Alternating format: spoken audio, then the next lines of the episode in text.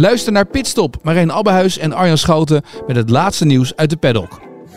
In Ferrari zag je af en toe nog wel een beetje stuiten hoor. Nou, toch wel. Een heel panel 20 keer dat boek heen en weer laten lezen van voor naar achter en van achter naar voren. Ja, ja waar winnen ze niet twee, drie tienden mee? Kun je je bijna afvragen tegenwoordig. En Verstappen zou alleen wereldkampioen worden. Beluister hem in je favoriete podcast-app.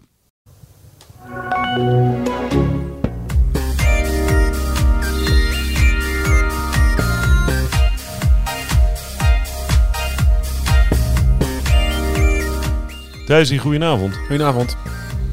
Hoe is ie? Goed. Lang geleden. Oeh, we hebben ook weinig excuus deze keer. Oh nee, we hebben buitengewoon weinig excuus. ja. Nou ja, eh, jij moest heel hard eh, trainen en wedstrijden fietsen. En, eh, Heel, heel, heel hard. ja. Ja. Gefeliciteerd nog. Ja, thanks. Mooi. Ja, De het is ook een beetje off-season. Wij, wij, wij hebben ook een beetje off-season. Ja, maar er wordt wel veel geklaagd. Wordt dat echt klaar? En met recht. Mhm. Want onze off-season begon vrij vroeg. Ja. En gaat nu al een tijdje door. Ja. ja, ja, ja. Maar goed. We zijn er. Hè? Ja, dus we gaan even een rondje langs de velden doen. Ja, chaotisch. Ja, dit wordt... Zoals iedereen van ons gewend is. Ja, we hebben geen plan. Van de hak op de tak. We hebben geen papiertje met uitgeschreven wat we allemaal nu gaan bespreken. Tegendeel. Maar het is wel even belangrijk. Want ik vind het wel echt eh, een interessante fase van het seizoen.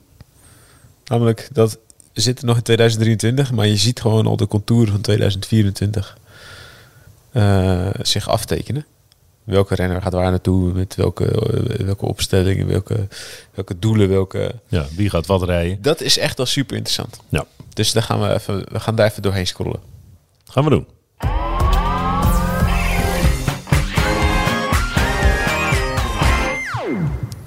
Ik wil toch even beginnen met Wout van Aert.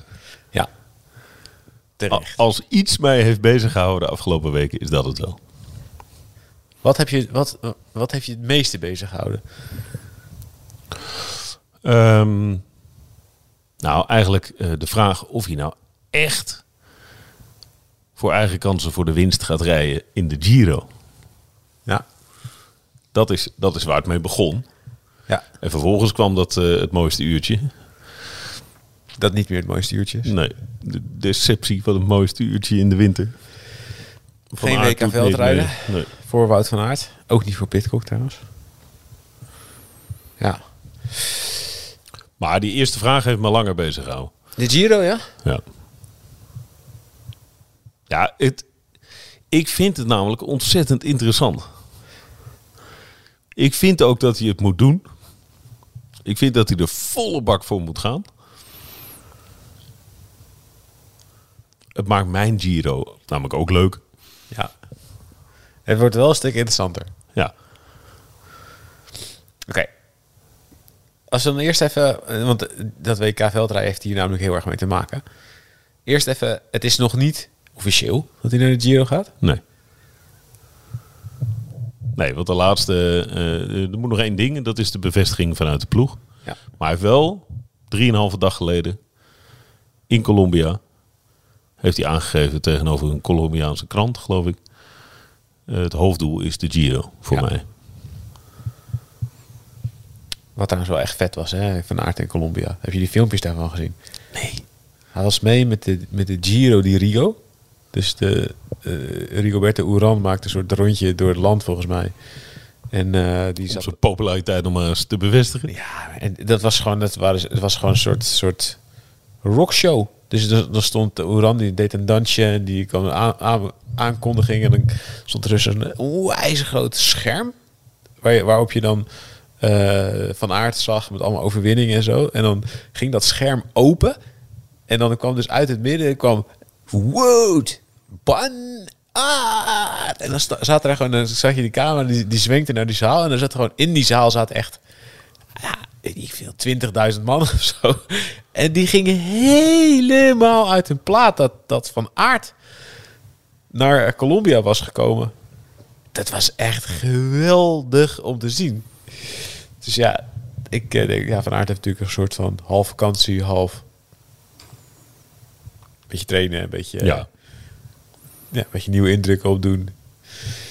Nou, wat Van Vleuten natuurlijk ook gedaan heeft. Ja. Ja, ik denk dat hij nog wel serieuze trainer daar, maar eh, ja, Van Aert voor Van Aert was het ook een beetje off-season en eh, ik mag nog heel even een beetje spielen, spielerij.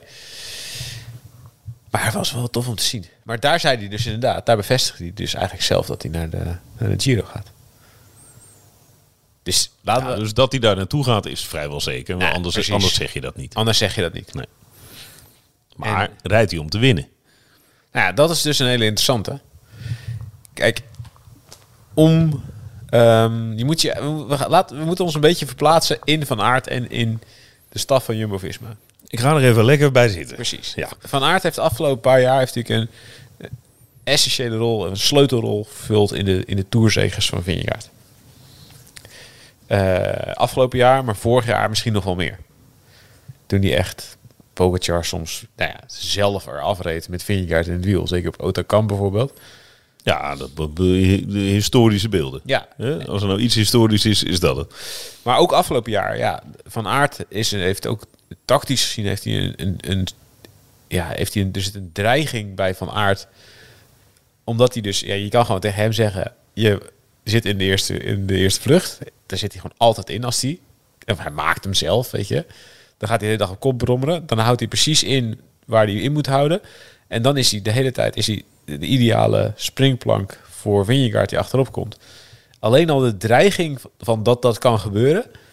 Ja, dat, zag, dat heb je afgelopen tour ook al gezien in die eerste, of in de tweede Pyreneeënrit. Eh, waar Vingegaard aanviel op de Tourmalet en Pogacar dat net mee kon. Echt, en daar nog niet de Tour werd beslist. Maar als je dus met iemand als Van Aert zoveel druk op je opponent kunt zetten. Ja, dan dat is zoveel is die waard. Voor die ploeg. Ehm, dus ik vind het nogal wel... Ik vind het nogal een stap om te zeggen... Van Aert gaat niet naar de Tour. Want als hij naar de Giro gaat... gaat hij denk ik niet naar de Tour. Zeker niet met de Olympische Spelen er vlak achteraan. Nou ja, dat is natuurlijk wat het hele, eh, deze hele beslissing en deze vooruitblik op de kalender van eh, Van Aert natuurlijk interessant maakt. Ja. Want het is, hij moet ook een, een grote voorjaarsklassieker winnen. Nou ja, dus, dus eh, doe even mee. Ver- Verplaats je eventjes dus in de ploegleiding in van, in van Aert. Ik denk dat de ploegleiding zoiets heeft van, ja, weet je, stel hij, hij wil weer hetzelfde als afgelopen jaar. Er zijn voor Van Aert zijn er in het wegseizoen zijn nee, de hoofddoelen zijn vrij. De afgelopen jaren waren gewoon eh Roubaix Vlaanderen, eh, dan naar de Tour en dan nog in het najaar proberen wereldkampioen te worden. Ja. Ja? Vrij klassiek. Ehm, komend jaar heb je ook nog de Spelen. Die dicht op de Tour zitten. Dus de Tour is niet per se een supergoeie voorbereiding voor de Spelen. Als je hem rijdt zoals Van, oh, zoals van Aert hem normaal gesproken rijdt. Zoals je, zoals je moet rijden als je Van Aert bent in de ploeg van Vingegaard. Ja, dus, dus dat, dat is al lastig. Dus als je, als je wilt mikken op de Spelen... en je wilt daar proberen een, een, een me- medaille te halen... en in het geval van Aert zal dat proberen om, goud te winnen. Misschien op de wegrit en op de tijdrit. Een dubbele kans. Ehm, ja, dan is het wel heel lastig om de hele Tour volle bak te rijden... en jezelf uit te wringen in dienst van. Ehm, dus het is, dat is meteen alweer een, een gek aan het jaar. Dat de spelers er zo dicht eh, op de tour zitten. En dan komt er ook nog bij dat ze in hun achterhoofd, dat heeft Marijn Zeeman bij ons ook wel eens gezegd, denk wel al twee jaar terug in een podcast, dat ze met Van Aert wel het idee hebben om ooit te gaan proberen een klassement in een grote ronde te gaan rijden. En volgens mij was dat, volgens mij zei hij dat toen na de Tirreno van eh, 2021. Die hele wonderlijke. De mooiste Tirreno ooit. Ja, die? Met, met waarvan de Poel en Pogacar en Alaphilippe en Van Aert elkaar Helemaal gek draaien. helemaal gek reden. Ja, dat was fantastisch, toch? Dat, dat, ja, het kan, zo, kan ook 2020 zijn geweest trouwens, maar ik zit even na te... Nou goed, maakt niet uit. Ehm, 20 was corona. Ja, die jaren die... het die Ja, raar, toch- hè? Die ver- zijn in elkaar soort vervlochten. Ja. Hele rare seizoenen. Nee, dit zal dan 21 zijn geweest. Maar in die, Tirreno werd van Aert tweede, achter Pogacar. En er zat toen eh, zat een tijdrit in, zat een lange bergrit in, zat van zo'n heuvelrit in met allemaal van die muurtjes en zo, weet je wel. Het was best wel eh, een, een allround Tirreno. Heel goed deelnemersveld. En Van Aert reed echt geweldig daar. Ehm, dus ja, ze hebben bij Jumbo-Visma hebben, ze hebben het idee, weet je, we gaan met Van Aert ooit proberen om richting klassement te kijken wat er mogelijk is. Ehm, en dan komt er een Giro voorbij die extreem weinig hoogtemeters heeft. En veel tijd uit kilometers. Ja. Ik bedoel, dat is geen, ik bedoel, ik verzin dit niet, extreem weinig hoogtemeters. Pak er statistieken bij. Zie, ik heb per ongeluk toch wat voorbereid. Oh, dit had je echt voorbereid. Nou ja, ik heb het toevallig, ik heb het toevallig zitten kijken. Tot cycling, zover onvoorbereid. We hebben geen plan. maar Thijs had stiekem toch een plan. Cycling Ja. Statistics heeft het uitgerekend. Ehm, het minste aantal hoogtemeters van in een grote ronde sinds 2010. Dus de Giro in, in 2010, eh, die startte in eh, Amsterdam. Ja. Dat was vergelijkbaar qua aantal hoogtemeters. De Giro waar Michiel Elijzen gestart is. Ja, exact. Ehm, dus ja, er ligt gewoon een. Er ligt dus eigenlijk gewoon een, een Giro dit jaar met weinig hoogtemeters. Dus relatief weinig mega bergetappes waar de Giro soms mee uitpakt. En, eh, en veel tijd uit kilometers. Er zit nog zo'n Sterrato-rit in, zo'n Strade Bianca-rit. Dat is ook alleen maar goed voor vandaag. Kan hij ook wel. Ja. Dus ja, als je het dan een keer wilt proberen. En je hebt de Spelen ook nog in dat jaar. En je hebt eh, dan zo'n Giro liggen. Eh, je weet dat Pogacar en Vingegaard naar de Tour gaan. Roglic waarschijnlijk ook. Want die, Ja. wil, ja, die wil nog de Tour winnen. Ja, die gaat, niet naar, die gaat niet nog een keer naar de Giro. Heeft hij ook wel een beetje door laten schemelen. Althans, heel duidelijk Ja, gezegd. Dat, zou heel raar zijn als hij naar Bora zou gaan en dan nu naar de Giro zou gaan, toch? Ja. Hij mist nog de Tour, dus die, gaat- die gaat ook de Tour, die gaat de Tour rijden. Dus ja, dan krijg je gewoon... Eigenlijk zijn dan de drie... Ja, de drie eh, onverslaanbare voor Van Aert. Die, die drie... Ja, die drie zie ik hem niet kloppen. Nooit, eigenlijk. Maar ja, die zijn er alle drie niet. Nee. Dus ja, wie, wie is er dan in? Gaat Evenepoel naar de Giro? Ja, Die heeft nou, eigenlijk gezegd dat hij ook naar de Tour gaat. Hoogstwaarschijnlijk niet, inderdaad. Ja. Terwijl eigenlijk deze Giro voor Evenepoel ook super geschikt is, maar goed. Dus ja, het is best wel een open Giro qua deelnemersveld. Waarschijnlijk. Wat zou je doen als je even een poel was? Sidestep. Eh Poeh, dat ik ook een moeilijk hoor. Nou ja. Ook misschien wel dezelfde afweging, ja. Als je ook nog eh, Olympisch kampioen wilt worden. Ja, en je hebt in de Tour die drie kanonskogels die je alle drie moet verslaan om, eh, om de Tour te winnen. Ja. Op een of andere manier. Ja. In een extreem zware Tour. In een extreem zware Tour met enorm veel eh, kilometers boven de 2000 meter enzovoort enzovoort. Precies, dus, dus dat is inderdaad een, een, een 2024 is een heel opvallend gegeven. Dat de Giro dus eigenlijk heel makkelijk is, relatief. Natuurlijk zitten er hele zware bergetappes in, weet je. Ja. Ja. Het is niet alsof je dit het is een soort gratis eh, Giro is, maar is relatief weinig bergetappes, veel tijdkilometers. En de Tour is extreem zwaar. Echt extreem zwaar.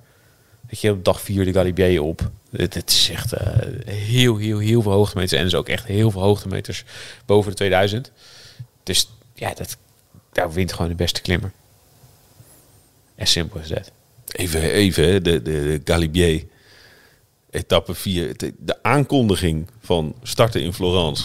En dan zag je zo de Grand Départ, de eerste drie etappes. En dan is er zo'n vervagend streepje richting Frankrijk. Toen wist je het al. Ja. Hé, je, kan op, je kan op drie manieren daar, eh, daar binnen rijden. Ja. Ja, De hoop was toch wel de Galibier. En ja hoor, de Galibier, etappe 4. Ongelooflijk, ja, dat ze het gewoon doen. Ja, dus dat...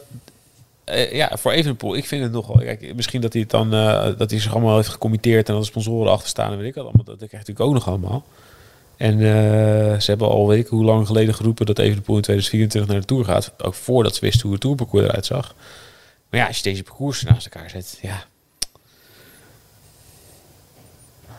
Ja, en er, er valt voor hem nog zoveel te winnen in de Giro. Ja, dat denk ik ook. Waarom zou je het niet doen? Ja, dat denk ik ook. En dan, en dan maak je dus je, je Olympisch traject ook wel ietsje, ietsje geschikter. Dat je je niet eh, helemaal kapot hoeft te rijden in de Tour. En dat je gewoon echt de Olympische Spelen fatsoenlijk kunt voorbereiden. Maar ja. Dus Oké, ter- terug naar Van Aert. Terug naar Van Aert. Ja. Ik, snap, ik snap wel de overweging om het dan dit jaar te proberen. Maar wat betekent dat dus? Eh, dat betekent dat Van Aert in zijn trainingen dus ja, dat hij een andere opbouw gaat kiezen. Want natuurlijk gaan ze. Ik kan me niet voorstellen dat zij gaan zeggen: Van Aert gaat naar, toe, naar de Giro om, om te proberen op het podium te rijden. Het is denk ik denk Nee, dat, dat ze gaan wel- ze niet zeggen, bedoel Nee, je? maar dat is wel het doel. Ja, eh, oké, ze Ze gaan dat niet zeggen. Ja. Ze gaat natuurlijk kijken wat erin zit. En dat kan, eh het kan twaalfde zijn met drie ritzegers. Het kan achtste zijn met dat hij in bergetappes echt goed meedoet, maar op de laatste momenten wordt afgereden. Het kan ook eh, derde, vierde zijn. En met twee ronde tijdritten kan het ook eerste of tweede zijn. Ja, dat ligt heel erg aan de tegenstand. Ja. En aan wat voor ronde het is. Maar ze beginnen er niet aan als je Nee, ze willen ergens natuurlijk niet wel... het idee hebt dat je bij de bovenste drie kan eindigen.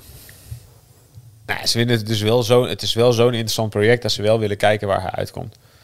Maar jij hebt wel eens gezegd, want we hebben het hier wel vaak over gehad. Zeker naar aanleiding van de nationaal-Belgische discussie hierover. Ja. Dat het tijd werd voor Van Aert om een grote ronde te winnen.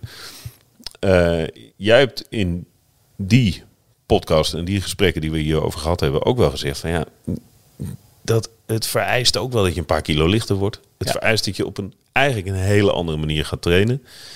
Dus je doet ook iets weg uit Ja. je programma. En dat is natuurlijk waar we nu komen. Daar, dat, is waar we nu, daar, dat is waar we nu uitkomen inderdaad. Want kijk, ze gaan dit, ze gaan dit traject eigenlijk... Dat het een keer ging gebeuren, dat, vind ik, dat snap ik. Dat zag je al. Ik bedoel, dat heeft Marijn helemaal letterlijk gezegd... we gaan het een keer proberen, weet je. Maar ik dacht eigenlijk altijd... dat die optie er pas echt serieus op tafel zou komen... op het moment dat die Vlaanderen, Roubaix, of Vlaanderen en Roubaix... of wereldkampioen, weet je, dat die... eh, dat hij ze al vinkjes had gezet bij de doelen waarvan hij elke keer zegt dat ze het allerbelangrijkste zijn. En hij heeft niet Vlaanderen gewonnen. Hij heeft niet Roubaix gewonnen. Hij is niet wereldkampioen geworden. Dus ja, die vinkjes staan er allemaal niet. Maar neemt hij daar afscheid van? Nou, ik denk niet helemaal. Maar hij gaat ze niet meer perfect. Je gaat je niet meer. Je kan niet en kilo's verliezen om straks beter, beter bergop te rijden. En nog zo explosief zijn dat je van de poel ergens eraf gaat rijden of eraf gaat sprinten in eh, Vlaanderen en Roubaix. Dit is. Kijk, van de poel die blijft doen wat hij afgelopen jaar deed. Namelijk, die gaat gewoon in de allergrootste wedstrijden er willen staan. En die gaat daar super moeilijk te kloppen zijn.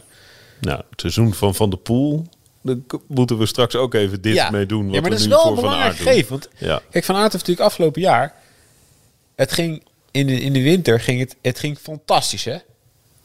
Tot het WK veldrijden in Hogerheide. En vanaf dat moment heeft Van Aert een fantastisch seizoen gereden... maar was er altijd iemand beter. Wat voor hem echt mateloos frustrerend moet zijn. En hij heeft natuurlijk hij heeft de E3-prijs gewonnen. Hij heeft echt wel mooie dingen Ja. gewonnen. Pogacar en Van der Poel verslagen in de E3. Ja, Ja. Maar, maar ja, op de, hij heeft Maar geen Vlaanderen. gewonnen. Hij is niet wereldkampioen geworden. Hij is ook geen Europees kampioen geworden. En ja, als hij dus nu ehm, de, echt, echt voor de Giro wil gaan en hij wil echt voor een klassement gaan daar. Ja, dan moet hij dus. eh, ja, hij is nu zeg maar. eh, ik denk dat hij 77, 78 kilo is. Eh, hij klimt supergoed natuurlijk. Dat hebben we allemaal gezien. Maar wat hij in de Tour, hoe hij in de Tour klimt, dat is echt wel iets anders dan als je de dag na dag na dag moet doen En eh, niet in dienst van iemand anders. Van ja, kijk maar tot hoever je het redt. Maar dan moet het dus ook gewoon elke dag opnieuw. Moet je, moet je daar eh, met de allerbeste mee kunnen. En dat heeft hij nog nooit echt laten zien. Zeker niet in een grote, ro- niet in een grote ronde. Dat je met, echt met de allerbeste mee kan.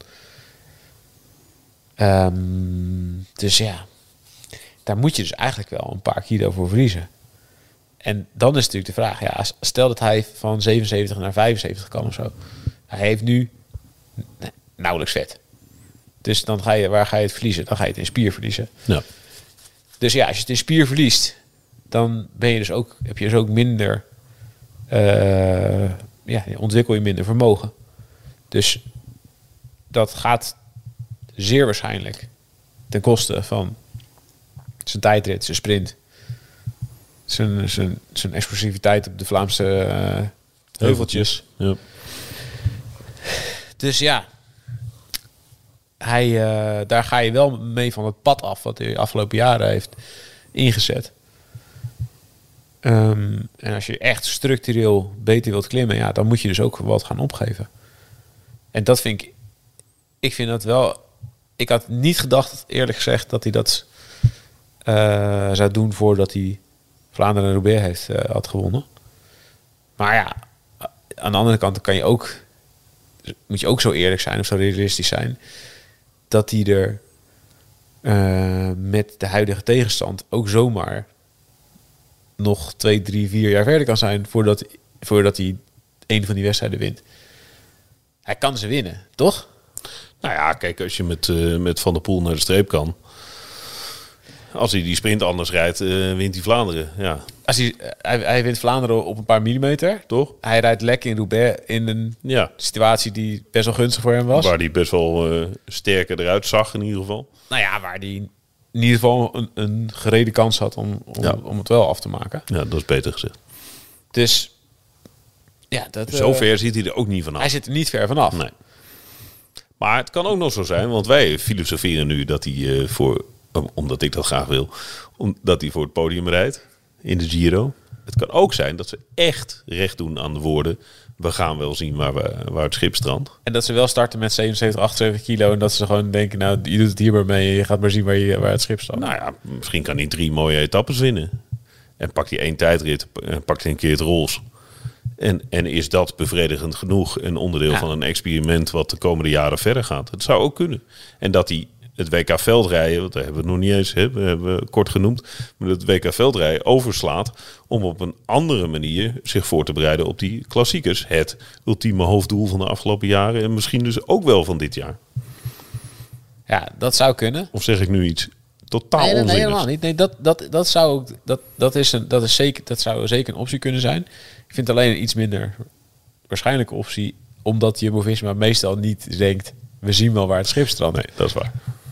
Meestal gaan ze dan met een plan er naartoe. Nee, oké, maar laat het plan dan zijn, dat, dat klopt wat je zegt, maar laat het plan dan zijn, hij eh, pakt rols Ja, en eh, hij, wil eh, twee, drie etappes winnen. hij gaat lekker aanvallen. En dan Ja. nog een sprintje aan voor Olaf Kooi, want die rijdt daar ook. Weet je wel Nou, zo.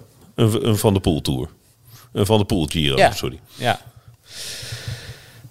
Ja, Heeft hij ook nog niet, hè? Hij heeft daar nog nooit gereden. Heeft hij niet in zijn tas zitten. Heeft hij, hij heeft geen roze trui. Ja, goed. Als je dat zou doen, dan zou je natuurlijk ook nog een, een deel van de Giro kunnen laten rijden. En dan toch. toch naar de Tour sturen. Ja. Dus het, het is, je moet het zeker niet uitsluiten. Het is zeker een mogelijkheid om gewoon een soort eh speel Giro te doen. Ehm, maar en, en, dus en de, in begin april eh, dus top zijn in Vlaanderen en Roubaix. En top zijn om een zo goed mogelijk klassement te rijden in de Giro. Dat vergt gewoon eigenlijk iets anders. Nou, hij Dus- doet nu ook iets anders. Hij slaat het WK veld over. Ja, maar, maar dat maakt hem nog steeds niet, eh, niet, niet twee of drie kilo lichter. Als jij begin april 7, 78 bent, dan moet je daarna eh, de laatste weken in een soort een negatieve energiebalans naar de Giro toe. Want dat is, maar drie weken daarna. Ja, dat, ja dat, slaat niet. Daar word je niet beter van. Nee, dus dan, ja, dan begin je helemaal uitgemergeld en dat gaat niet. Ja. Dus Luister nog even naar Dumoulin. ja, Dat gaat niet. En ja, als je kijkt inderdaad naar ook naar het WK veldrijden, dan lijkt het er sterker op dat ze eh, hem wel gaan laten afvallen. En dat ze wel meer langere blokken en zo gaan laten doen en meer op hoogtestage. En dat hij dat hij dus eh, een beetje afscheid neemt van het duel. Ja. Dat is, kijk, hier, en Hier zit jouw pijn. en hier zit mijn pijn. Ja, dit, ik hoop dat, ik, dat dit niet waar is. Ik hoop dat hij lekker naar de Giro gaat om te spelen. En dat hij blijft proberen om Vlaanderen en Roubaix te winnen. En eh, dat hij niet naar het WK veldrijden gaat. En dat het heel vervelend parcours is. Een tabor voor hem. En het is glad. En hij heeft toch geen zin om het tegen met Weet je wel, zoiets. Maar ik denk eerlijk gezegd... dat het eerder is. Omdat ze gewoon eh, nu kiezen voor een heel ander traject dit jaar. En dat ze dus kiezen voor Giro. En daarna Olympische Spelen. En dat gaat dus dan ten koste van eh, ja, eh, in, in het veld en in Vlaanderen en Roubaix op je allerbest zijn. Om ja, de, het grote duel met Mathieu aan de gang te houden. Toch nog even nog een gedachte-experiment hierover. kan je met 2, 3 kilo lichten, want dat is natuurlijk in de eerste fase, zou je dat al kunnen bereiken. Hè? Vanaf eh, de spielerij in eh, Colombia tot en met eh, grote klassiekers. Ja. Kan je, zeg even 75 kilo, Vlaanderen en Roubaix op een andere manier rijden? En dan met name Vlaanderen. Is er een scenario denkbaar dat hij misschien wel een grotere kans maakt als hij wat lichter is in Vlaanderen? Of blijft dan dat verhaal wat je net zei recht overeind? Je levert gewoon explosiviteit in, onder andere. Ja, Kijk, ik denk dat hij zo goed is dat hij altijd een kanshebber is in Vlaanderen en Roubaix. Weet je, als hij bijvoorbeeld niet corona krijgt in het jaar dat eh, Van de Poel en, Pogacar gaan sprinten. Met Van Baarle en Madouas nog bij. Toen reed Van Aert zo goed. Dat ja, had hij zomaar kunnen winnen. Dus hij heeft ook wel veel pech gehad in die wedstrijden. En ik denk dat ze daar ook wel een beetje... Dat ze daar moeilijk mee om kunnen gaan. Van Aert is een renner die, die, die super gedetailleerd en perfectionistisch is. En dat is, bij, dat is de ploeg ook. En dit zijn natuurlijk wedstrijden waarin... Er, ja, dat wordt soms in, op momenten beslist. Eén momentje, weet je wel, en dan is het weer, dan is het weer om zeep. En dan heb je daar weer je hele, je hele jaar naartoe gewerkt. Terwijl hij nog zoveel andere dingen zou kunnen. En een grote ronde, ja, dat is gewoon, daar is gewoon veel beter naartoe te werken. Dus ik denk ook wel, de controlefreaks die het zijn, is ook wel is een grote ronde eigenlijk Ja. fijner voor te bereiden. En dan krijg je waarschijnlijk er heb je wat meer grip op dan die klassiekers. Met Dus niet alleen de ploeg, maar ook zeker van aard, zeg je. Zeker ook van aard. Want ja, die weet ook gewoon, die zit in de klassiekers. En dan moet hij ook gewoon, dan staat hij in Vlaanderen, staat hij weer, de- staat hij weer tegen Pogacar Van der Poel afgelopen jaar. Weet je, ja. Die gasten doen zulke ongelofelijke dingen op de raarste momenten. En dan is Van Aert is dan gewoon goed. Maar die, die ik denk, de, zeker de manier hoe hij de afgelopen jaren die monumenten heeft gereden, toch wel een beetje krampachtig. Omdat het daar moest. Dat hij in die wedstrijden eromheen, zeker als Van der Poel niet was, echt fantastische dingen deed. En aanviel op het moment dat je denkt, nu al, weet je wel. En dan was het Vlaanderen of Roubaix. En dan was hij weer aan het wachten op wat Van der Poel deed. En ja, daar hebben we het natuurlijk vaak over gehad. Dat is ook een, een mentaliteits... Nou, bij hem misschien echt wel ook een probleem. Zeker afgelopen jaar ook geworden. Dat als Van der Poel er niet is... dan gaat de wedstrijd om Van Aert. In die voorjaarsklassiekers. Is Van der Poel wel, dan gaat de wedstrijd om Van der Poel. De vergelijking met Sven Kramer hebben wij hier eerder meegemaakt. Ja, Dat had Sven Kramer ook. Overal waar Sven Kramer startte, ging het over Sven Kramer. ja. Ja. En ja, dan, dan, dan is het net alsof Van Aert dan passiever wordt en gaat zitten wachten op een foutje van Van der Poel.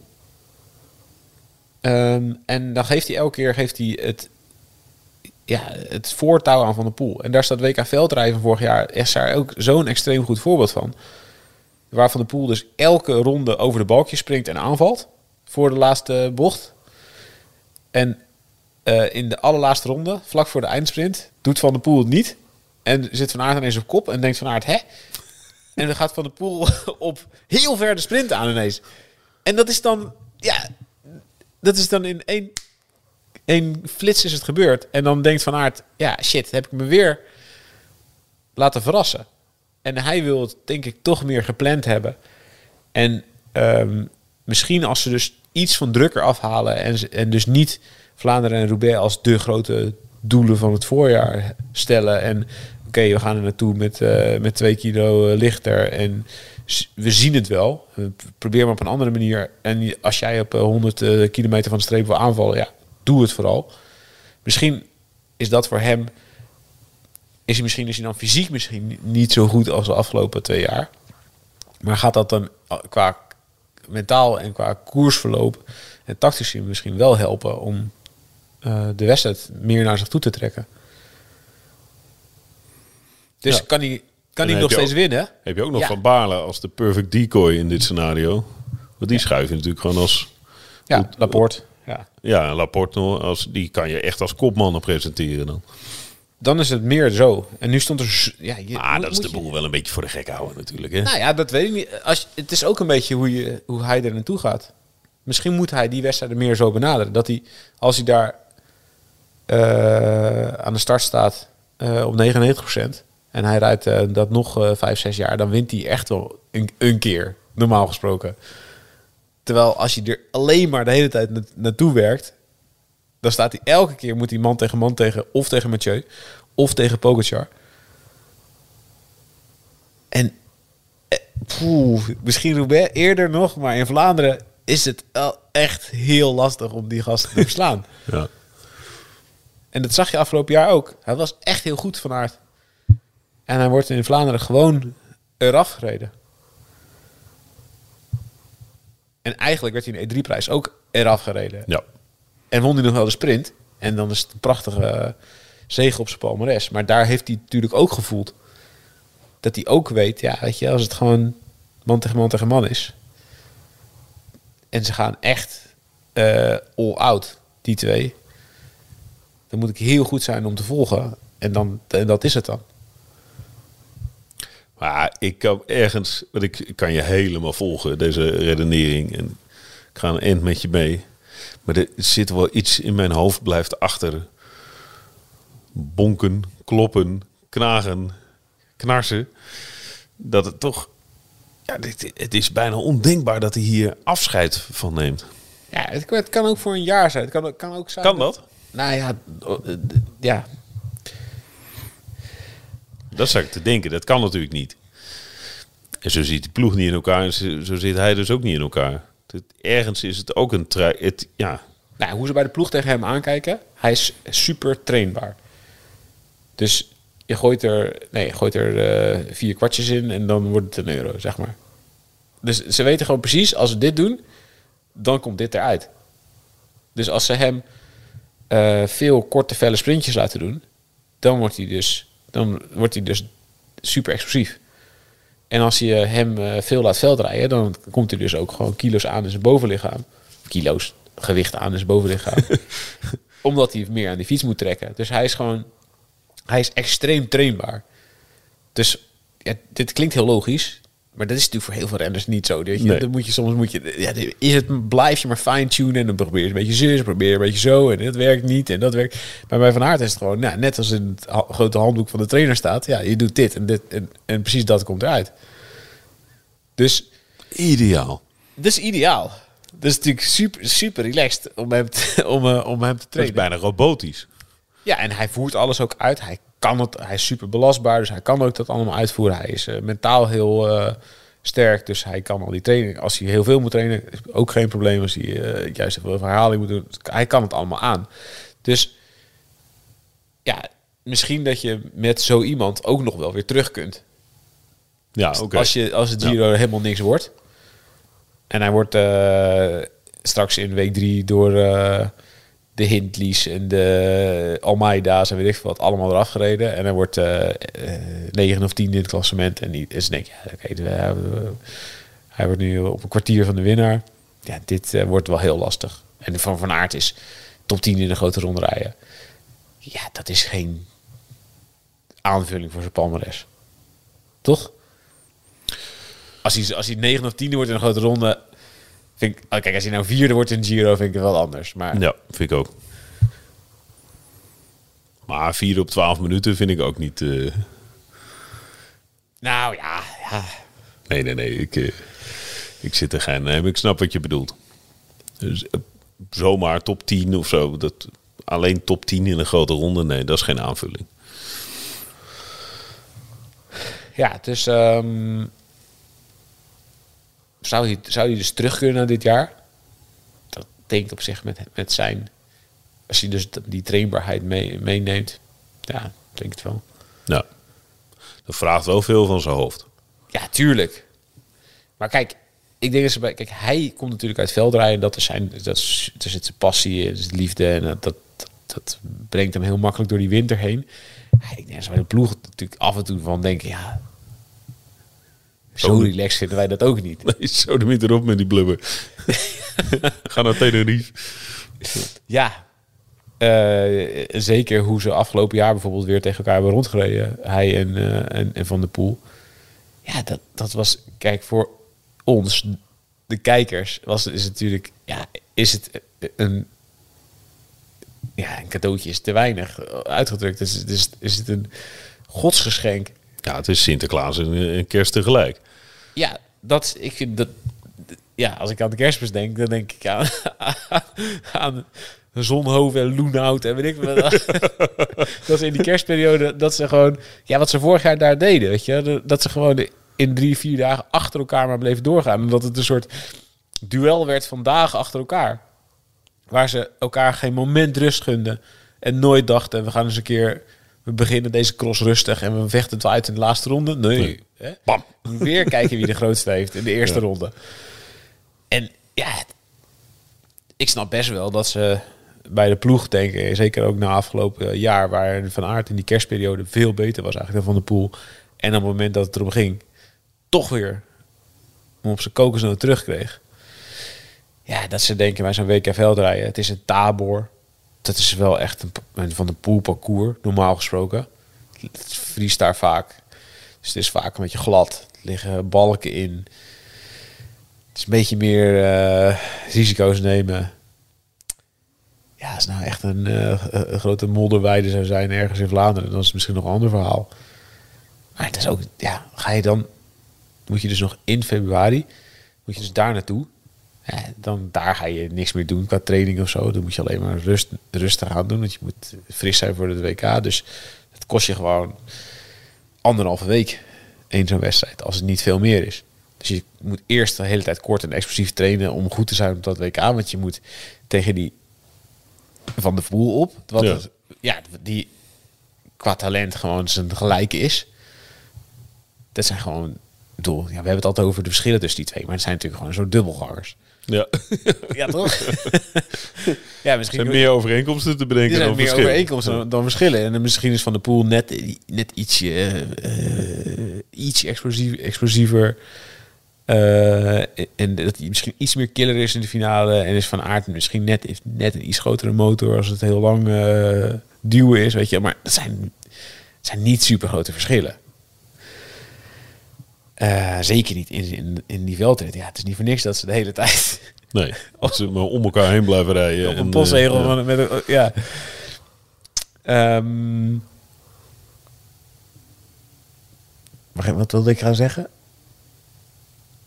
Nou, de- dat je die winter, eh dat WK veldrijden... Dus, dus ja, dus, dus dat je dus, als je dus wilt goed wilt zijn op het WK, dan moet Van Aert dus die in de winter dus heel veel korte explosieve trainingen doen. Dan moet, kost, dan moet je naar Tabor, dat, dat kost je dus weer een heel deel van je, van je voorbereiding. Dan moet je in Tabor, moet je op een, voor Van Aert, normaal gesproken iets minder geschikt parcours, moet je gaan proberen die van de poel weer te kloppen. Als je wordt geklopt, dan is het weer een mentale klap. En weer een boost voor Van de Poel ja. waar je ook niet per se zin hebt om dat weer gaan herbeleven. Dus ja, ik, ik snap vanuit, als ik eens in, in zijn positie verplaats, dan snap ik wel waarom ze denken van het WK en Tabo, ja, dat kost alleen maar. En de kans dat het opbrengt is gewoon niet super groot. Hij heeft daar niet 50% kans om wereldkampioen te worden. Dus dan moet hij en heel veel tijd investeren. Dan kost het. Dan moet hij dus eh, eh, minder tijd om eh, een keer extra naar eh, Spanje te gaan eh, om lange trainingen te doen, om dat soort dingen. Kan je dus niet investeren in een paar kilo afvallen, wat je voor de Giro zou willen. En dan moet je daar... ehm, ja, moet je het echt van de pool opnemen op een parcours wat voor, voor Van de Poel geschikter is. Ja, Dus ik snap wel goed dat ze, dat ze het WK hebben geschrapt. dat heeft iets, iets logisch. Ja. Ja, maar het is Je zou ook het WK kunnen schrappen met dezezelfde gedachtegang. In dienst van het super mega top zijn tijdens die wedstrijden in april. Ja, maar dat is, dat zijn, maar dat is beter met elkaar. Het ligt meer in elkaars verlengde. Daar is, wil je ook vooral ja, die, die Vlaamse hellingen moet je vooral weet je, een minuut hard, twee minuten Ja. hard. Roubaix ook. Het, is vaak, het zijn van die echt korte, echt kortere explosieve inspanningen en vaak, vaak kunnen herhalen. Ehm, Dus dat is een teken dat dat... het ligt meer in elkaars verlengde. Het is, Ja. bedoel, ja, het is niet voor niks dat ze heel vaak die voorbereiding ook hebben gekozen de afgelopen jaren. Dat ze gewoon wel proberen een goede veldritwinter te draaien en daarna richting klassiekers. Omdat, ja, dat, dat, dat zijn dezelfde soorten. In ieder geval, dat komt in de buurt qua, eh, wat, wat, wat type inspanning, ja. Type renner wordt gevraagd, inderdaad. Maar ja, wat mij dus het meeste zorgen baart, is ja, dat, dat Van Aert dus nu echt een ander pad kiest.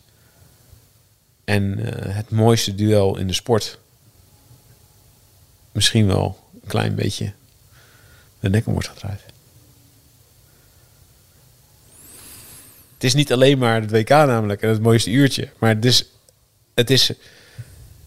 Het zou zomaar het begin zijn, kunnen zijn van een structurele eh, carrièrewijziging. Of een verandering in het carrièrepad van Van Aert.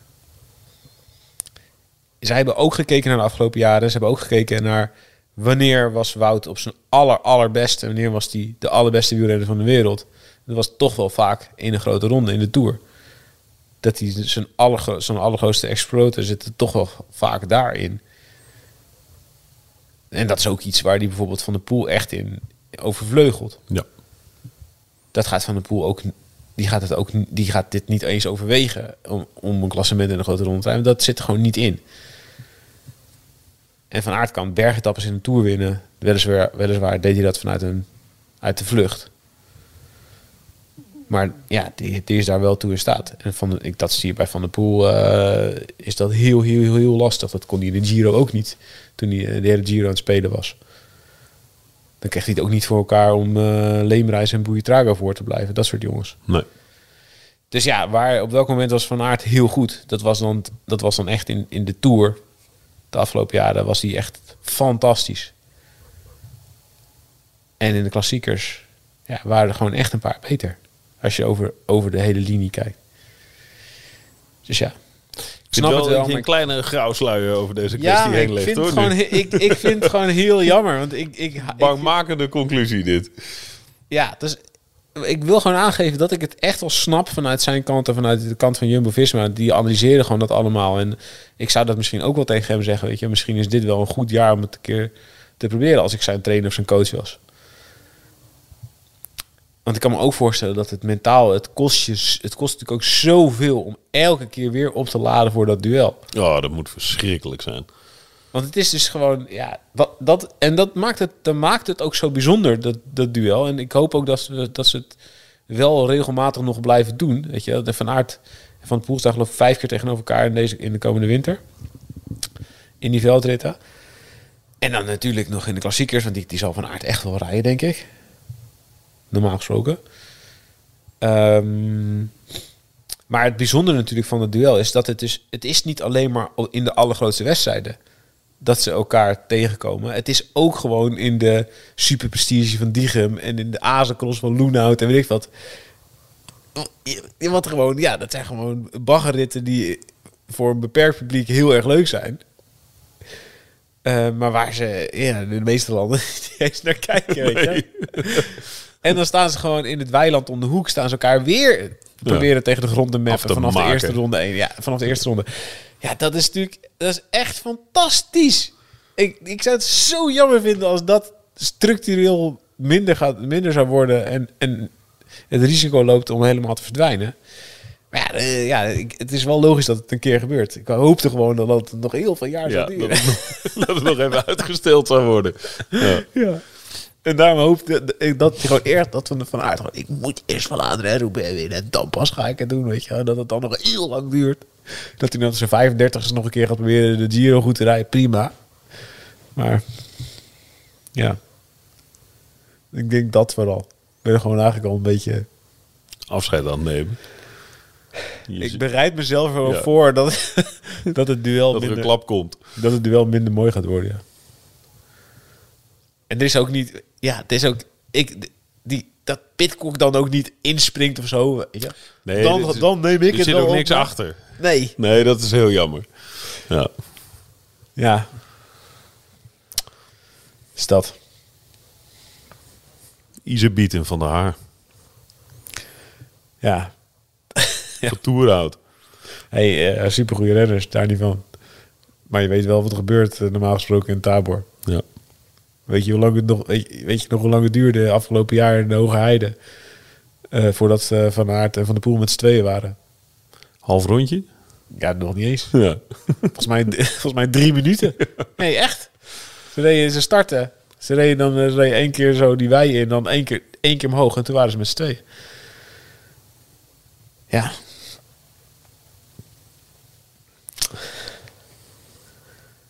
Goed. Eh, Ik moet het even laten bezinken. ja. En, maar ga dus Ja. naar die veldritten. Die vijf worden dus nu ook... Ja, het wordt alleen maar groter. dus jij en ik gaan ook naar die veldritten. Nou, ja, zeker. Ik zeker. Zeker, zeker. Ik ben, ik ben nog een beetje aan het kijken welke allemaal. Maar ja, mijn zoontje moet ook per se mee. Die, eh, die mag altijd kiezen waar hij toe mee wil. En eh, nou, dit, het was, ook, misschien is het ook een slechte vergelijking, maar hij mocht hem ook mee naar Ajax. Maar dat is niet meer een straf. Nee, ja, dit, voor, voor hem was het vrij simpel. Maar ja, dan moeten dus wel Wouter en Mathieu meedoen. Kijk, Zonhoven is echt mooi, is met die kuil. Ja. Eh Loenhout is dicht, dus iets relaxter, want is iets dichter in de buurt. Dus net, net over de grens. ja, dat mag geen argument zijn. Thijs, dat mag geen argument zijn. Ja, kijk, Als het Diegem over- is ook wat echt tof. Als het over de iconische waarde van die wedstrijd Zeker, gaat, zeker. dan kan je net zo goed 100 kilometer Diegem is ook echt tof. Dat is, dat is die avondcross, weet je wel. Oh ja. Dat, is, dat, is, dat, is, eh, dat van de pool de laatste jaren, die maakte die altijd zo'n soort eh, eh, sprongetje op die brug. En vorig jaar was dat misschien wel de mooiste cross van het jaar, waar Pitcock ook een uitgrote rol in speelde.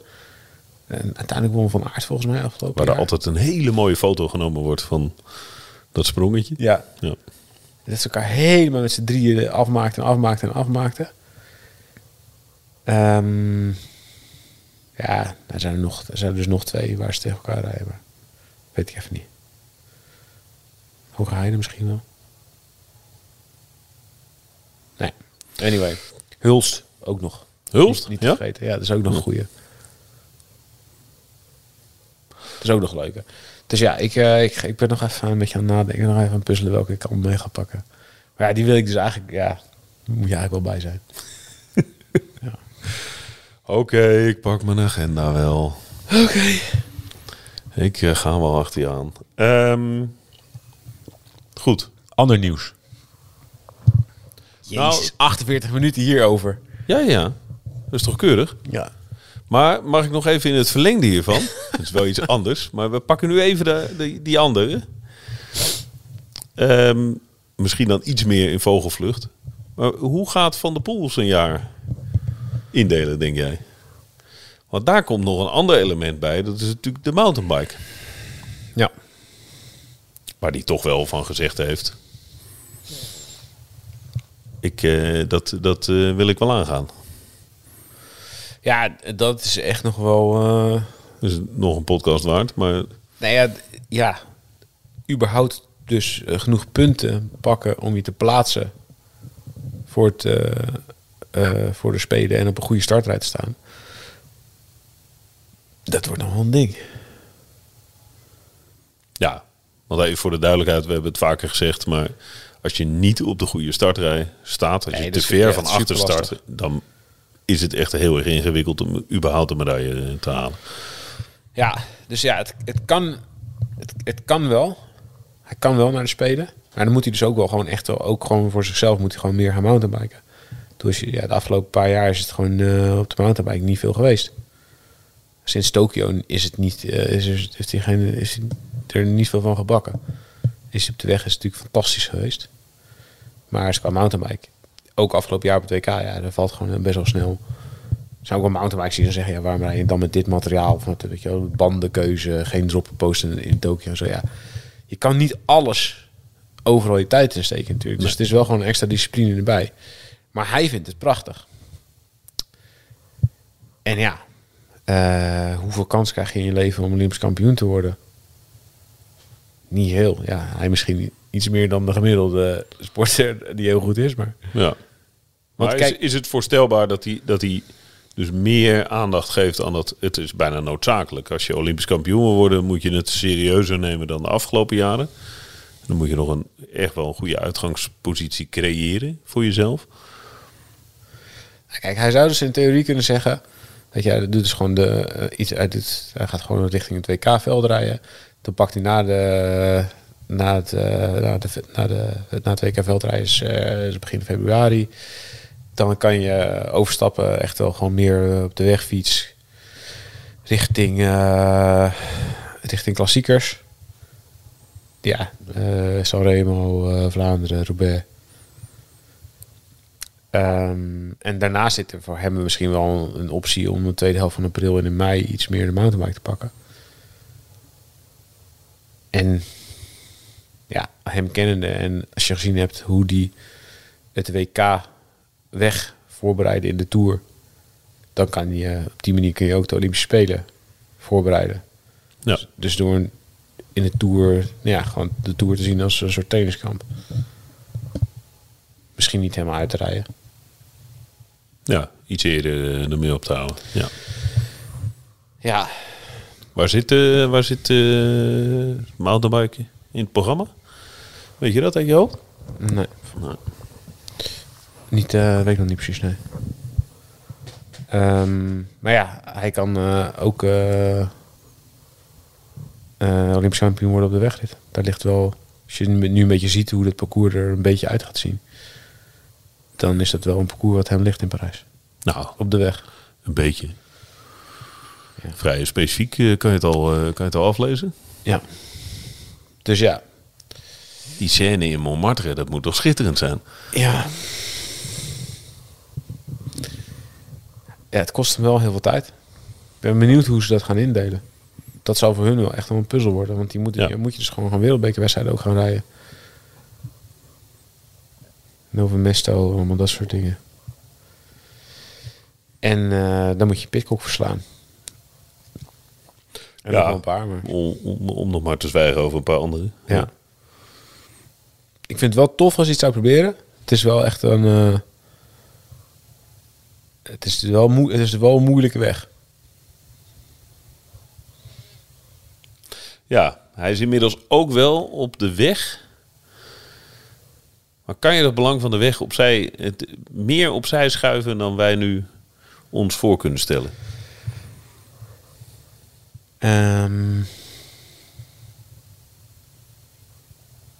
Nou ja, kijk, hij heeft de afgelopen jaar natuurlijk ook al, heeft hij al een hele andere keuze gemaakt. Heeft hij al die kleine wedstrijden heeft hij ook gewoon eigenlijk al links laten, heeft hij links laten liggen. Die waren al niet meer belangrijk. Nee. Dus hij wilde alleen maar staan in de, in de echt allergrootste wedstrijden. Maar die heeft hij in dat voorjaar, in aanloop naar april, mei en de rest, heeft hij die ook allemaal. Behalve Luik. Ja. En voor hem ook, als hij echt goed op mountainbiken, dan kan hij ook niet super zwaar. Dan kan je ook niet super. Ja, ik weet niet hoe het, hoe het mountainbike parcours is in Parijs, maar je zou zeggen dat het misschien wel iets minder zwaar is dan in Tokio qua hoogtemeters. Nou ja, dat was na die wedstrijd wel het, het oordeel. Het is, het, is een, het is een gravelkoers, werd er gezegd. Er zit ook heel veel van dat, van Ja. dat gele zandgravel in. Maar ja, dus misschien eh, voor, eh, voor later zorgen. Ander Ja, nieuws. We gaan, we gaan, wel, we moeten, we gaan echt gewoon eigenlijk moeten we ook bijvoorbeeld de vergerbende knecht een keer bellen of zo. En de, Ja, hoe dat hele mountainbike traject eruit ziet. Maar als, als we iets meer weten over wat hij zelf wil, gaan we dat wel eens eventjes... dat... eh, eh, ja. goed. Quintana. ja, Zag je deze aankomen, ja of Nee. nee. Die zag ik echt niet aankomen. Quintana voor de duidelijkheid terug naar Movistar. Contract voor één jaar getekend. Ja, wat een... Ja, wat... Kijk, Quintana, het, het is natuurlijk... Hij heeft bij Movistar zijn beste jaren van zijn carrière gehad. Is daar ook een soort van weggepest. Kijk vooral eh, het eerste seizoen van El Dia Menos Pensado terug. Dan zie je het gewoon. Ook in de, de rit die die wint in de Tour. Dat daar gewoon allemaal ploeggenoten zitten die eigenlijk gewoon erbij zitten. En die denken, ja, je bent gewoon nog maar zo'n lul. We hadden eigenlijk liever niet dat je die rit had gewonnen. Van ja, ja dat was echt heel ongemakkelijk, toch? Ja, een geweldige scène. tenen krol. Is het, is het echt met je tenen? Oh, dat je, oh, wat is dit pijnlijk om te kijken. Toch? Ja, en dan staat hij op voor zijn dankwoordje. Ja, voor zijn dankwoordje. Oh, oh. S- Ja, vreselijk, vreselijk, vreselijk. En eh, het is een publiek geheim dat Valverde en Quintana ook eh, niet op met elkaar overweg konden. Ehm, maar Quintana is gewoon... Hij heeft en eh, de Franse politie achter zich gehad... In een, in een onderzoek waar ze hotels en servicekoers van Arkea zijn binnengevallen. Uit dat politieonderzoek is in eerste instantie daar is niet iets uitgekomen waarvan wij weten, waarvan wij het weten. En daarna is hij positief getest op tramadol. Eh tramadol is eh, een middel wat nog niet eh, op de WADA-lijst staat, dus het is nog niet in alle sporten verboden. Dat komt er wel aan. Ehm, maar in wielrennen is het wel verboden. Omdat ze hebben gezien dat er in de niet zo heel ver verleden een heel groot deel van het peloton ehm, eh, tramadol gebruikte. Dus het was een zogenaamde eh, monitoring drug. Dus dan gingen ze gewoon kijken. Het was Monitoring. Nee, dan, drug? dat gingen ze dus monitoren. Ja. Dus, dan, dus in de, sam, dus in de urine samples van wielrenners gingen ze kijken hoeveel tramadol er werd gebruikt. En er waren echt, ik weet dat er één jaar bij was waarin ze bijna de helft van de urinestalen aantroffen. Dat is natuurlijk echt extreem veel voor een middel. Ja, als je het krijgt, eh, sommige mensen krijgen als ze heel erg pijn hebben na een operatie, weet ik wat. Ja, Daar staat er gewoon, ja, je mag daar niet mee auto rijden. Nee, Ja, dat is natuurlijk belachelijk dat je daarmee... eh, dat je daar wel mee mag fietsen. Dat je daar wel eh, mee met 80 en uur massa, naar massasprint toe kan rijden. Dat Ja. gaat natuurlijk nergens over. Dus ik vind het wel echt volkomen terecht dat ze dat, eh, dat, ze dat op de lijst hebben gezet, eerlijk gezegd. En ehm, ja, met dit soort dingen, ik denk bij, Quintana, die heeft gewoon zo'n heeft een soort groepje, een soort clubje om met verzorgers. En zijn, broertje zat er bij eh, Arkea ook bij. Het, eh, het leek daar in eerste instantie echt te gaan om een soort inbreuk op de no-needle policy. Dus dat ze daar infusen en zo toch gebruikten in de tijd dat het eigenlijk al verboden was. Eh, dat is niet, nee, dat is er niet uitgekomen voor zover, dat, voor zover wij dat weten. Maar dat Quintana aan het rondkloten was met dingen die eigenlijk dus niet mochten, dat is wel vrij duidelijk. En ja, dat er geen enkele ploeg was die meer zijn handen aan hem wilde branden, vond ik ook eigenlijk wel logisch. Ja, dat leek heel logisch. En dan gaat Movistar gaat hem dan gewoon weer terughalen. Movistar nota bene. Ja, jongens, jongens. Ja, goed, dit is gewoon het oude wielrennen. Dit is gewoon wat is. Ja, eh, we hebben daar, ze hebben daar gewoon allemaal jongens in dienst die een uh, dopingverleden hebben, die er nooit iets over hebben gezegd. Uh, wel verder voorop natuurlijk. En ehm, ja, ik vind het allemaal wel best. En als jij hard rijdt, dan is het wel prima. Ik vind dat echt een slechte zaak. En het gaat niet over mensen die een tweede kans moeten krijgen en zo, maar in Spanje gaat het, het gaat gewoon niet zo goed in Spanje, als ik heel eerlijk ben hiermee. Dat is, dit is breder. Uh, wat is hiermee? Met de antidoping uh, ja. ja. Kijk, agenda? We hebben natuurlijk een paar jaar gehad waarin, het, waarin iedereen er best wel dicht op zat. En best wel, best wel, dat er best wel aandacht voor was. En de laatste tijd uh, is het een stuk minder. En uh, ja, uh, wordt er uh, alleen als er renners heel hard rijden, of als er een ploeg heel hard rijdt, dan worden er een paar lucrake beschuldigingen gedaan. Maar het is niet meer. Er zit niet heel veel meer achter verder. En dan krijg je dus ook weer dat, ja, Quintana uh, krijgt dan weer een. krijgt dan gewoon dodelijk weer een contract met Movistar. Miguel Lopez wordt in in verband gebracht met Eole Cometa, de ploeg van Contador. Die ontkennen dat dan weer. Ja. Maar dat, denk je ook, die gast is gewoon, staat gewoon non-actief vanwege de betrokkenheid bij eh, een, een, een dokter, meneer Meinar, die eh, allerlei eh, sporters verzag van, van eh, doping eh, producten en, en adviezen. En nu is eigenlijk vorige week in El País is bekend geworden dat Cajarural met deze meneer Meinar ook eh, in contact stond. Dus eigenlijk de hele ploeg, ploegleiding, eh Aular, eh, een van hun beste renners. Ja. Eh, dat er dus continu eh, WhatsApp-contact was en om dat soort dingen. Ik heb dat dossier ook gekregen. Dus ik heb het wel eerst gezien. Dat, dat klopt inderdaad. Je ziet gewoon dat de politie en justitie hebben gewoon eh, die, die ploegleiding op een gegeven moment getapt. En dan zie je gewoon overal alleen maar WhatsAppjes over wat, moet, wat ze moeten doen. Dus er is, dus gewoon een arts waarvan iedereen weet... deze gast is de speelfiguur in de dopingzaken rond Miguel Lopez... en waarschijnlijk ook meer renners. Ja, en die gaan gewoon met zo iemand in zee. Dat is slecht nieuws, Ede. ja, dat is slecht nieuws, ja. Dus dit is. eh, en ja, nu gaat het erom over oké, wat heeft hij precies gezegd en is het strafbaar of niet en valt onder het overtreden van dopingregels en allemaal dat soort dingen. Maar die Aular is bijvoorbeeld door de organisatie van de Vuelta gevraagd om uit de Vuelta te stappen. Dus met andere woorden, ze konden dus niet iets direct hard maken tegen hem. Ze, namelijk, ze hebben geen positieve test of ze hebben geen directe inbreuken op de regels. Maar toen de ehm, baas van de Vuelta hiervan hoorde. En die, ja, dit dossier, als ik dit dossier heb, dan wordt het dus, ja. het wordt gelekt. Het wordt verspreid. Ja. Ja. Ehm, ja, die heeft gewoon Cajarural eh, onder druk gezet. Om die Aular gewoon te laten afstappen. Dus die hebben er gewoon een, verhaal van gemaakt. Hij is ziek of weet ik wat. En hij reed, kijk de uitslagen maar op na. Pak, ja, ga, de Pro Cycling Stats, ga naar de Aular en zie wat die, hoe die vorig jaar in de Vuelta reed. En dat hij gewoon ineens uit koers was Als verstegen. een straaljager. Ja, hij reed, reed knijterhard. En toen was hij eruit. ja. Ja, dat is. eh, dat is gewoon een slechte zaak. Dat is echt een slechte zaak. Dat ploegen zich weer op deze manier eh, ermee inlaten. Dat is een slechte zaak. En het gaat niet per se om een persoon eh, als, eh, ja, als iemand als Quintana of tweede kans of zo. Maar volgens mij moet je daar. Ik zou daar als World Tour ploeg niet mijn handen aan weer, weer aan gaan branden aan zo iemand. Maar goed. Movistar gaat weer. eh, die, die vist hem weer doodleuk op. Ja, maar dat Movistar natuurlijk een ander ethisch kompas heeft dan, dan dat jij dat hebt, dat is natuurlijk al een tijdje helder.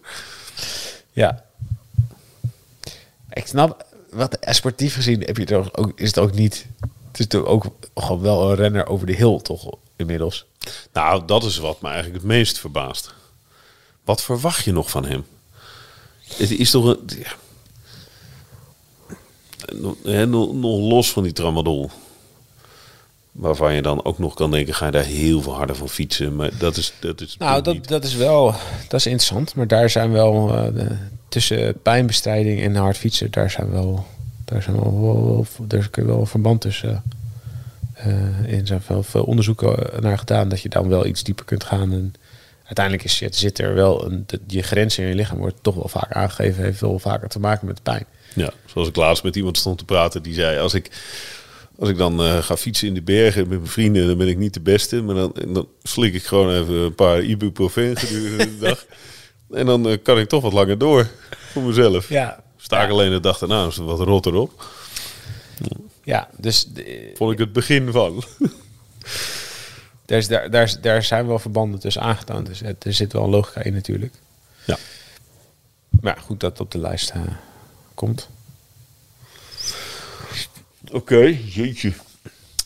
Dus dat is niet zo... goed- Ja, in Spanje dat is er wel een slechte. Hoe dat in Spanje gaat, eerlijk gezegd. Terwijl ze daar een jongere generatie Maar hebben. Quintana wordt gewoon derde in de ronde van Baskeland natuurlijk. Vast, ja. Ja, nee, het is wel een goede renner natuurlijk, maar ja. Ja, zijn hoogtepunten zijn wel- importante. Ja, nee, een hele lage stem. ja. Soy muy contento. Con el contrato Movistar. ja. Als we het dan toch hebben over renners over de hill, heb je de Froome-zaak nog een beetje gevolgd? Nou, een beetje. Ja, die heeft dus nu eh, de reden dat hij de afgelopen jaar niet heeft gepresteerd, heeft hij eindelijk ontdekt. Nou? Zijn fiets stond niet goed afgesteld. Ja, het- echt. Thijs. Hou nou toch op met me. Ik las dat in een, in een... Ik kreeg het in mijn e-mail in een nieuwsbrief van eh, zo'n zo Engelse... God, sorry, schiet helemaal door mijn hoofd. Maar die krijg ik altijd. Die- En die volgen dat soort dingen altijd heel goed. Ik dacht, nou, snap ik het nou niet? Lees ik het verkeerd? Begrijp ik het Engels niet? Zijn zadel stond te laag. Ja, wat een. Ja, Zijn zadel stond te laag. Zijn- Of te hoog. Zijn zadel stond, stond in, in de- zijn beste jaren veel te laag. Klaagde die ook niet over. Ja. Ja, wat een onzin. ja. Maar wat, wat, een- wat een clownesk gedrag. Het is wel zonde, hè? Ja. De enige reden dat het bij mij nog iets voorstelt in mijn hoofd is dat Wout Poels altijd heel. Die zegt altijd: Ja, luister, jongens. Het gewoon een hele aardige gast. Ik heb jarenlang heel goed met hem gewerkt. eh. dan denk ik altijd: Oké. Hè? Wout Poels kan het weten. Ik niet. Ik ken Vroom niet. Ja. Maar het komt zo, zo knullig over. Ik zou er gewoon wel meer respect voor hebben als hij zou zeggen... Ja, jongens, ik heb gewoon een fucking dik contract. Dat betalen ze gewoon uit. Ja, ik, ik vies gewoon door en ik, ik heb er lol in. En eh, het kan me eigenlijk geen ene reet schelen of wat jullie ervan vinden. Maar of maak er wat van op een manier dat je, dan, dat je dat nog omzet in iets positiefs. Dat je als het, weet ik veel, als, als een boegbeeld voor, eh, voor het Engelse wielrennen of zo. Het is, het is ook, ja, wat je, wat je ook van hem vindt. Het is ook een fantastische renner. Hij heeft ontzettend veel gewonnen. Ja, zeker. Maar, maar maak er dan wat van. Ga, Nee, ga, ga, ga clinics geven of zo, weet ik veel. Flauw voorbeeld, maar Ja, hij erodeert zijn eigen... toch? Zijn eigen Het wordt zo legende. knullig, het is zo klein, zo, Ja, nee, dat is zo zeker. machteloos. Dat is zeker, ja. Ja. Oké. Anders nog iets? Nee, Nee? volgens mij was het wel. Weet jij nog iets? Geen belangrijke dingen? Nee. Nee, geloof het niet. Even kijken of er het goede muziekje in staat. Ja.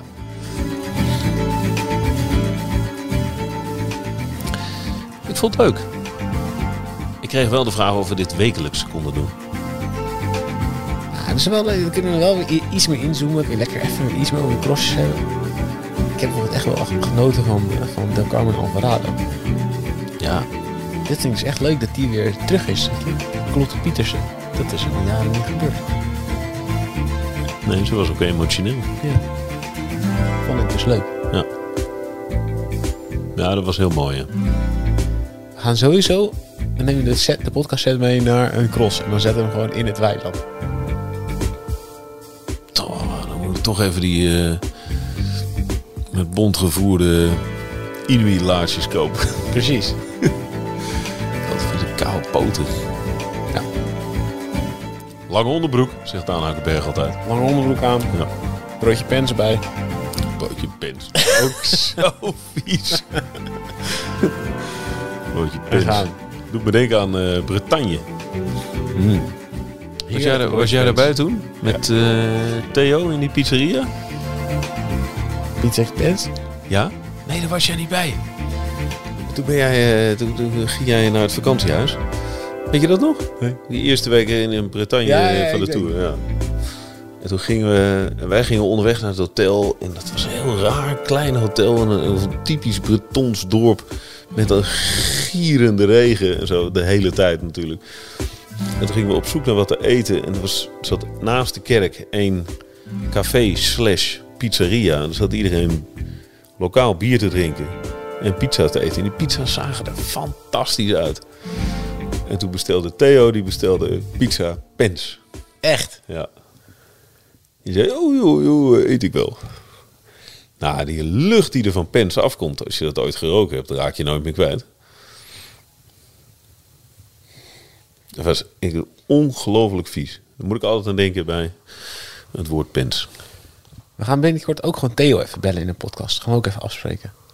Hoe het in hemelsnaam met hem is. Ja. Die ligt natuurlijk nu, kunnen we nu niet bellen, want die ligt gewoon te tukken. Hij zat op de tribune bij eh, het schaatsen. Ja, hij was even in Nederland. Tijdje. Nee, maar hij was in Peking. Die Oh, in schaatsen Peking zat hij nu op de tribune? Ja, hij was Oh ja, het kijken. oh, geest, die wereldbeker is nu. Ja. Ja. Ja. Eh, dat komt wel goed. Matig hoor, Irene Schouten. Matig. Matig. Strak achtste. Ik reed naar de finish en ik kijk op de, ik kijk op de klok. 14 en een beetje. 4-10 op de finish. Nou, wel... eh, Gaat het ook niet om. zeker niet. Als je Olympisch kampioen bent geworden, kan je wereldbekertje missen. Ja, dat is ook waar, ja.